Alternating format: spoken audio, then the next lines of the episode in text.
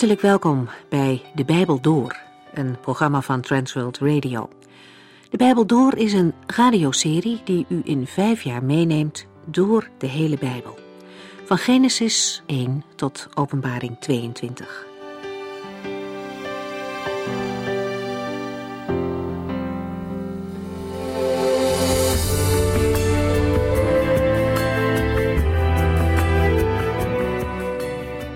Fijn dat u weer luistert. We gaan verder met het Bijbelboek Handelingen. Het is de tweede studie over dit boek en wanneer u de inleiding van gisteren heeft gemist, dan kunt u die via de website terugluisteren. Gaat u dan naar www.transworldradio.nl. Laten we even kijken naar de hoofdlijn van deze studie. Handelingen is eigenlijk een soort overgangsboek tussen de evangeliën en de brieven die daarna volgen. Het laat zien hoe het werk van Jezus Christus op aarde doorgaat nadat Jezus zelf teruggekeerd is naar de hemel. De Heilige Geest komt in de gelovigen wonen en werken. En vanuit Jeruzalem gaat het evangelie de hele wereld in. Het boek is door Lucas geschreven. Hij is bij het werk van de apostel Paulus betrokken geweest en kon als ooggetuige nauwkeurig verslag doen. In handelingen is met name aandacht voor Petrus en Paulus. Het boek begint met het Pinksterfeest, het bijzondere moment dat de Heilige Geest uitgestort wordt. En dan lezen we over het leven van de gemeente in Jeruzalem en hoe de boodschap naar Samaria gaat. Ook is er meteen al vervolging van de christenen. Daarna gaat in het Bijbelboek de aandacht naar Paulus en naar het zendingswerk verder in de wereld onder de niet-Joden. Lucas beschrijft de drie zendingsreizen die Paulus heeft gemaakt en hij eindigt met de reis van Paulus naar Rome. De rode draad door dit Bijbelboek is de boodschap dat Jezus opgestaan is uit de doden en dat Hij leeft. En dat iedereen die dat gelooft ook eeuwig leven krijgt. Niet door het houden van wetten, niet door de Joodse offerdienst, maar alleen op grond van het werk van Christus is er eeuwig leven. Elke toespraak of verdediging in dit boek draait daar ook om. De apostelen komen in allerlei verschillende situaties terecht en kiezen verschillende manieren om de boodschap te brengen, maar in de kern komt het hier elke keer weer op neer. Daar wordt niet aan getornd. Dat is immers het hart van het evangelie. Hoofdstuk 1. Handelingen. Vanaf vers 3.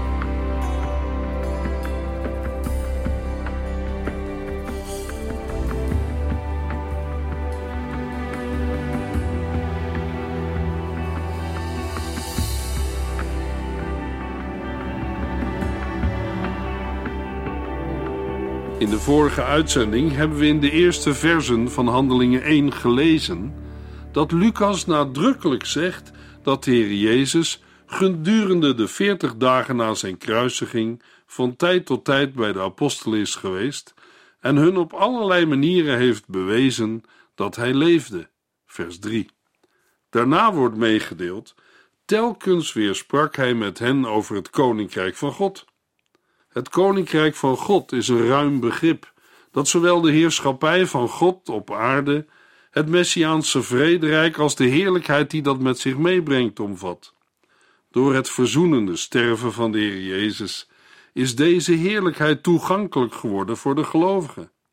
Gods heerschappij is in hun leven al begonnen en bovendien is Jezus, de Messias, de Christus, die in Gods rijk regeert. Daarom wordt de verkondiging van het evangelie ook wel de verkondiging van het koninkrijk Gods genoemd. Handelingen 1, vers 4. Tijdens een van deze ontmoetingen zei hij dat zij Jeruzalem nog niet mochten verlaten. Wacht eerst op wat de Vader beloofd heeft, zei hij. Ik heb al verteld wat er zal gebeuren. Waarschijnlijk tijdens de laatste ontmoeting met zijn leerlingen geeft Jezus hen het bevel Jeruzalem niet te verlaten maar te wachten op de vervulling met de Heilige Geest. Handelingen 1, vers 5. Johannes doopte met water, maar over enkele dagen zullen jullie met de Heilige Geest gedoopt worden. De belofte van de Vader is de vervulling met en de doop in de Heilige Geest. De Heilige Geest was in het Oude Testament al door de Heere beloofd, door de profeten Jesaja, Ezekiel, Joël en Zacharia. Johannes de Doper had geprofeteerd dat hij die na hem kwam belangrijker was dan hij en ook zou dopen met de Heilige Geest en met vuur. Lucas 3, vers 16. De leerlingen van Jezus waren tot op dat moment niet gedoopt in de Heilige Geest, omdat Jezus nog niet was verheerlijkt. Johannes 7, vers 39.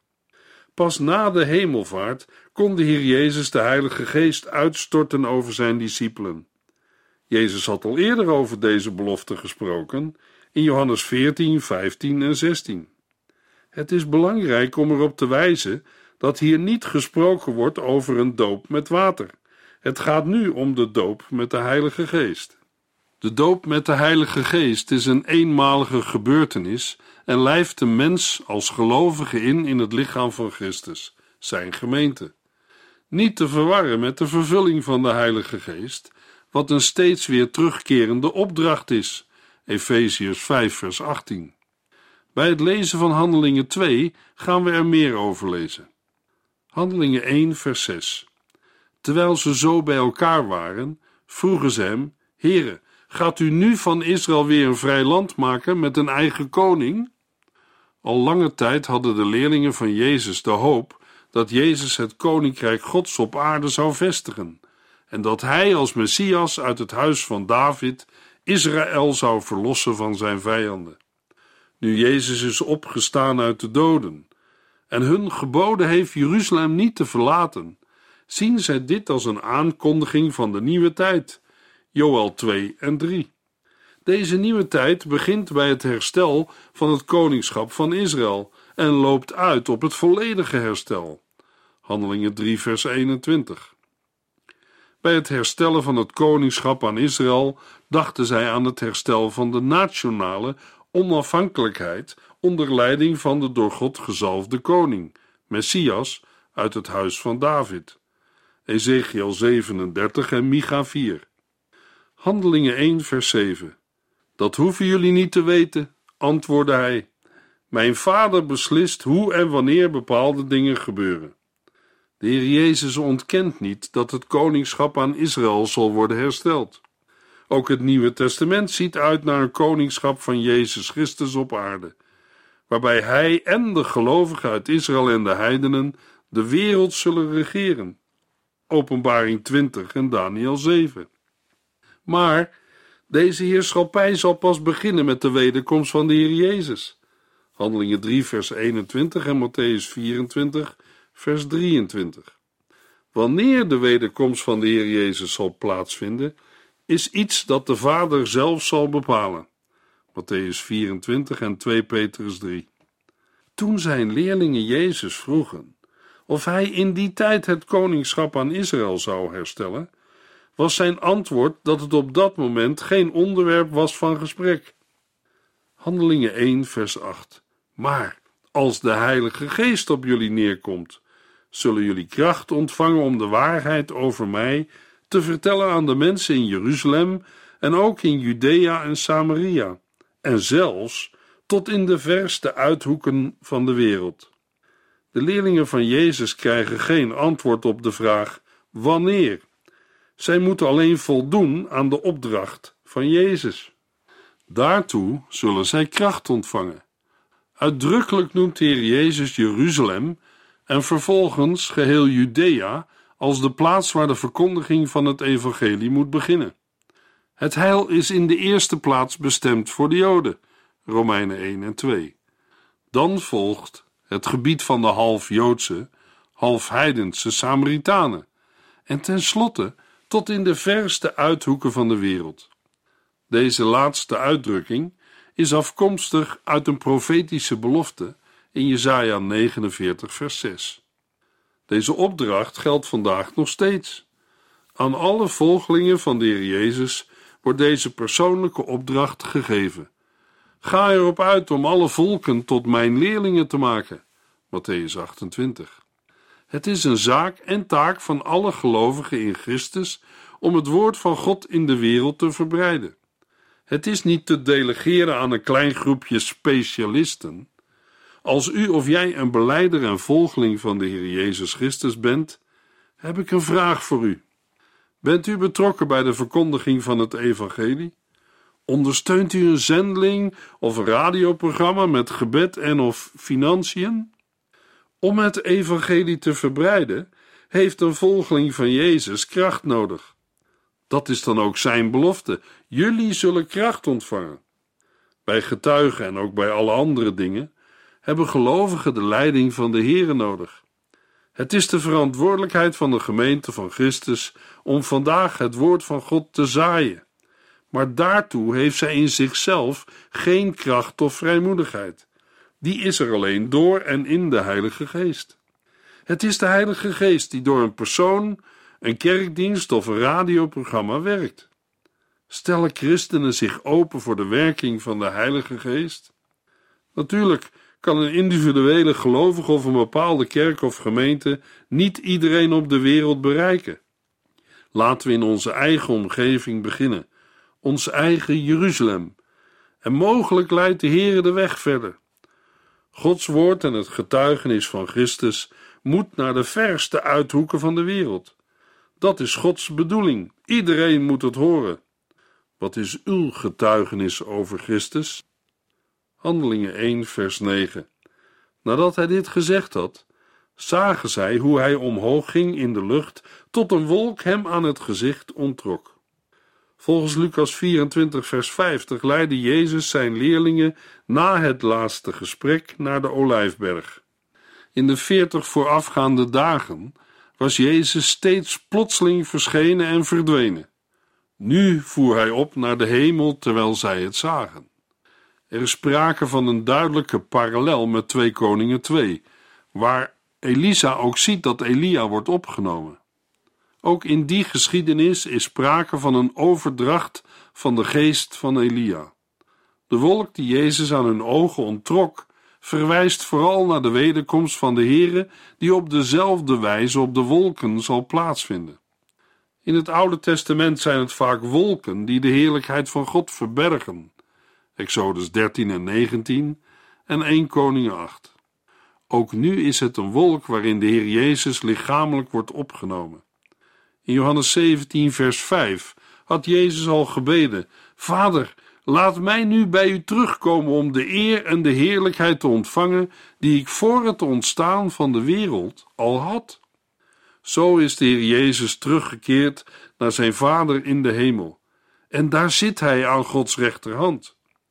Terwijl de leerlingen dit alles zien gebeuren, verschijnen er plotseling twee engelen bij hen. Ze zien eruit als mannen en ze hebben een belangrijke boodschap. Handelingen 1, vers 10 en 11. Terwijl zij nog naar de lucht tuurden, stonden er plotseling twee mannen bij hen, met witte kleren aan. Galileërs, zeiden zij, wat staat u toch naar de lucht te kijken? Jezus is in de hemel opgenomen, maar hij zal net zo terugkomen als u hem hebt zien weggaan. De engelen zeggen de volgelingen van Jezus dat zij niet moeten blijven staan kijken naar de hemel, waarheen de heiland is opgenomen. De scheiding tussen hen en de Heer Jezus is niet definitief, want hij zal terugkomen, zoals hij hen heeft verlaten, op de wolken, maar dan met alle heerlijkheid, macht en majesteit, die hem in de hemel door de Vader is geschonken. De plaats waar Jezus is opgevaren, de Olijfberg, speelt ook een rol bij zijn wederkomst. Zacharia 14, vers 4. Op die dag zullen zijn voeten staan op de Olijfberg, ten oosten van Jeruzalem, en de Olijfberg zal in tweeën splijten. Er zal een buitengewoon groot dal ontstaan dat van het oosten naar het westen loopt, want de ene helft van de berg zal naar het noorden wijken en de andere naar het zuiden. De verwachting van Jezus' wederkomst heeft een belangrijke plaats in de prediking en het geloofsleven van de vroege gemeente. En dat zou het ook vandaag moeten hebben. Laten we ons eigen hart op deze verwachting onderzoeken. Ondertussen moeten de leerlingen van Jezus zich uitstrekken naar de komst van de Heilige Geest, die Hij hun zal zenden. Daarnaast moesten zij zich voorbereiden op de grote opdracht die Hij hun heeft gegeven. Vers 8. De engelen noemen hen hier Galileërs, omdat ze allemaal afkomstig waren uit Galilea. Handelingen 1, vers 12. Daarop gingen zij van de olijfberg terug naar Jeruzalem. Dat was een kwartier lopen. De plaats waar Jezus ten hemel voer was de olijfberg die ten oosten van Jeruzalem ligt. Vandaar keerden de leerlingen terug naar de stad. Volgens Lucas 24, vers 52 met grote blijdschap. Van de olijfberg naar Jeruzalem was een kwartier lopen. Het geeft aan dat de olijfberg niet meer dan 2000 L, ongeveer 800 meter, van de stadsgrens was verwijderd. Nummer 35, vers 5. Daarom ook moet de olijfberg tot de stad worden gerekend. Volgens Exodus 16, vers 29 mochten de Joden op de sabbat de plaats waar zij waren niet verlaten. Ze moesten dan ook binnen de afstand van een sabbatsreis van de tempel verblijven. Handelingen 1, vers 13 en 14. In de stad aangekomen, gingen zij meteen door naar de bovenverdieping van het huis, waar zij elkaar altijd ontmoeten. Petrus, Johannes, Jacobus, Andreas, Filippus en Thomas, Bartholomeus, Matthäus en Jacobus, de zoon van Alfeus, Simon de Zeloot en Judas, de zoon van Jacobus. Voortdurend baden zij eensgezind met elkaar, samen met de vrouwen die met Jezus waren meegekomen, zijn moeder Maria en zijn broers. Nadat de leerlingen in Jeruzalem waren aangekomen, gingen zij naar de bovenverdieping van het huis waar zij elkaar altijd ontmoetten. Waarschijnlijk naar de bovenzaal, die vermoedelijk op het platte dak van het huis was gebouwd. Wel vaker werd op het dak van een huis een ruimte als gastenverblijf ingericht of geschikt gemaakt als zaal voor bijeenkomsten.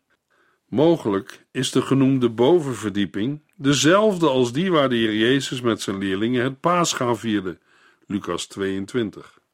De toevoeging waar ze elkaar altijd ontmoeten, wijst ook in die richting. De lijst van de elf apostelen is gelijk aan die van Lucas 6, uitgezonderd Judas Iscariot. Judas, de zoon van Jacobus, wordt in Matthäus 10, vers 3 Thaddeus genoemd. Simon de Zeloot was voordat hij volgeling van de Heer Jezus werd lid van de religieuze partij van de Zeloten, een Joodse groepering die zo nodig met geweld de komst van het Messiaanse Rijk dichterbij wilde brengen. Deze elf volgelingen van Jezus volharden met elkaar in gebed. Ze baden ongetwijfeld om de vervulling met de Heilige Geest, die de Heer Jezus hun beloofd had. Lucas 24, vers 53 vertelt dat ze niet alleen in de bovenzaal baden, maar ook voortdurend in de tempel God loofden.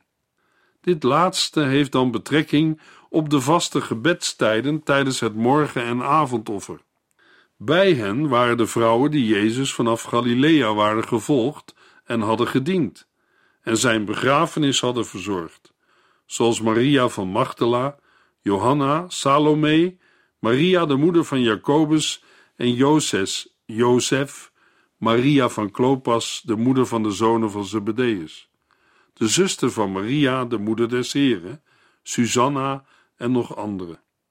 Ook bij hen was Maria, de moeder van Jezus, die bij het kruis stond toen haar zoon stierf, Johannes 19. Ten slotte noemt Lucas de broers van Jezus.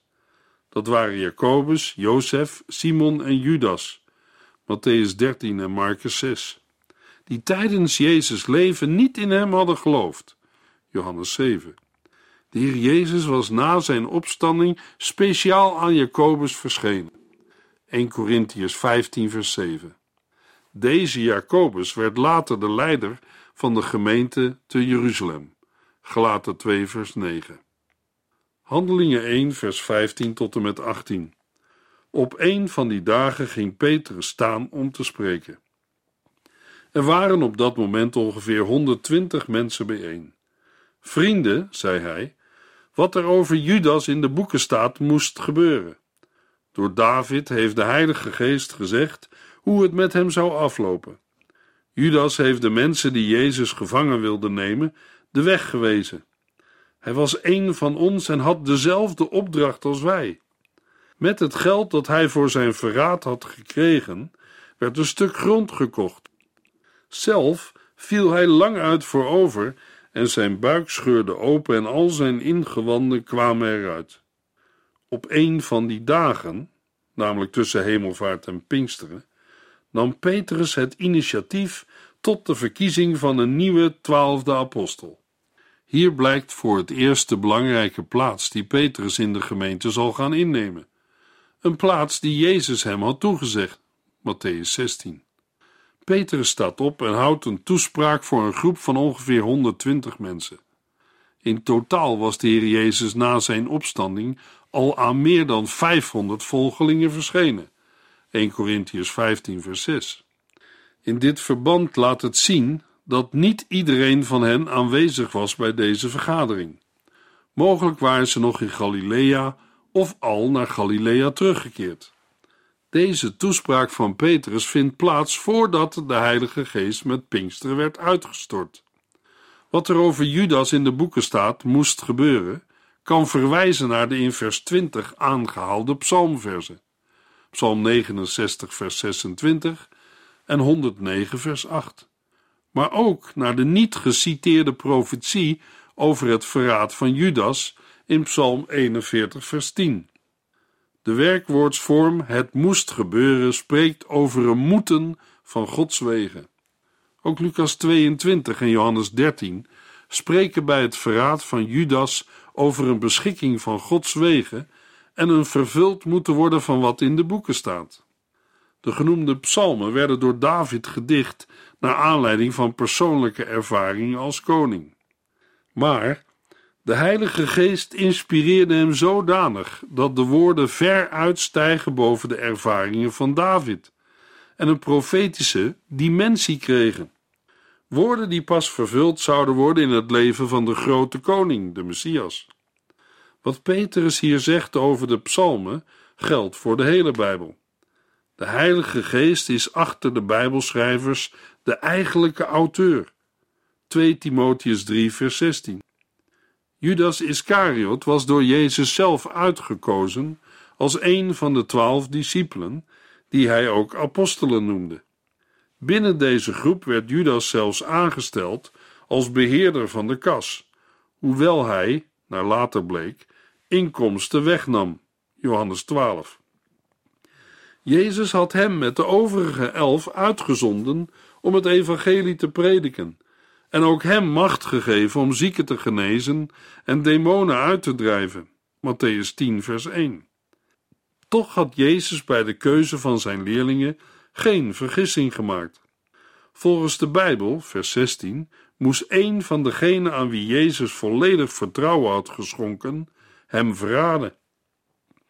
In vers 18 onderbreekt Lucas de woorden van Petrus om aan Theophilus te vertellen wat het lot van Judas is geworden.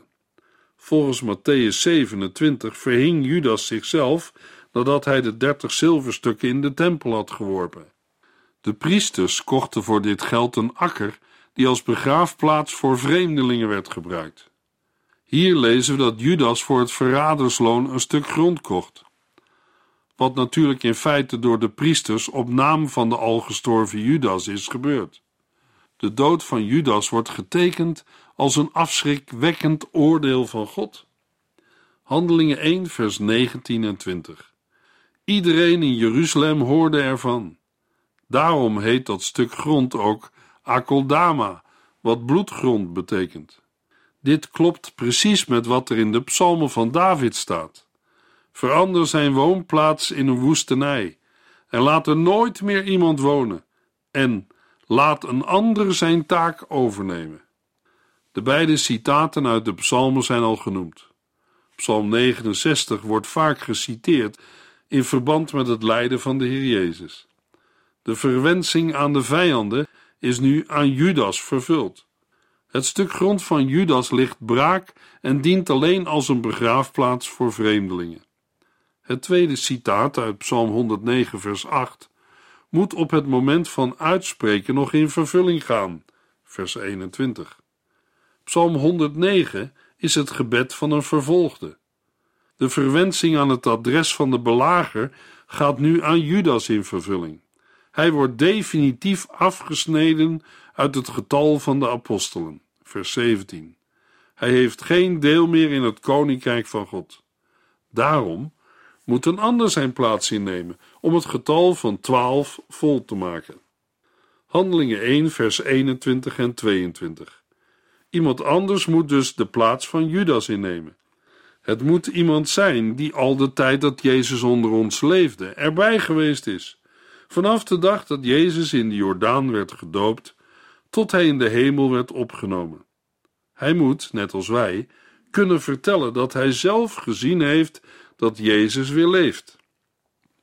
Petrus noemt de voorwaarden waaraan de nieuwe apostel moet voldoen om één van de twaalf getuigen te kunnen zijn. Daarbij gaat het erom of de nieuwe apostel een ooggetuige is geweest van Jezus handel en wandel en daarvan uit de eerste hand getuigenis van kan afleggen. Een historisch betrouwbaar getuigenis. Daarbij is het getuige zijn van zijn opstanding het belangrijkste.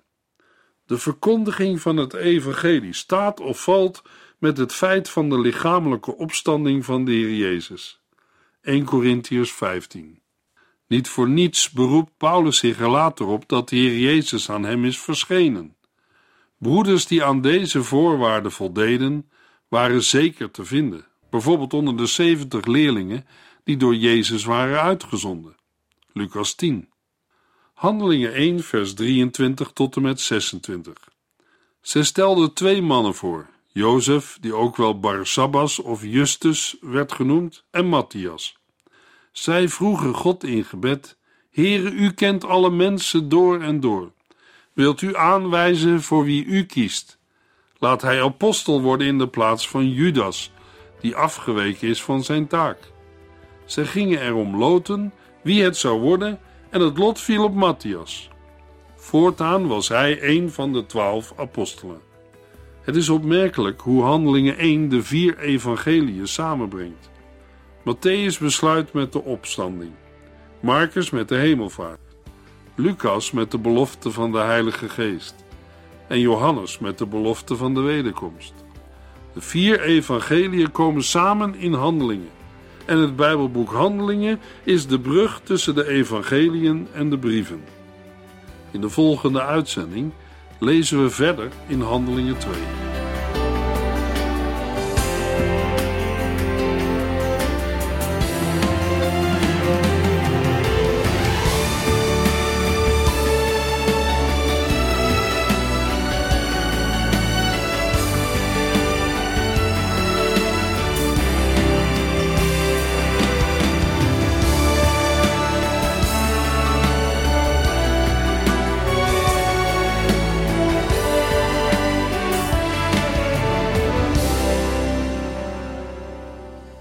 Geluisterd naar De Bijbel Door.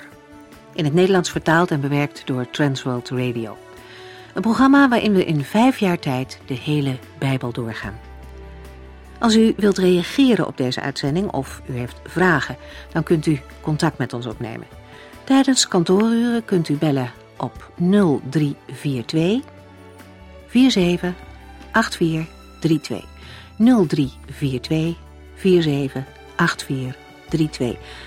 Ook kunt u een e-mail sturen naar de Bijbel door transworldradio.nl en natuurlijk kunt u ook via de post ons bereiken. TWR, postbus 371, postcode 3770, AJ in Barneveld. Dit programma werd gepresenteerd door Cor Weda en Ike André. Techniek was in handen van Odin van Woerdekom. En wij allemaal bedanken u voor het luisteren. Graag tot de volgende keer.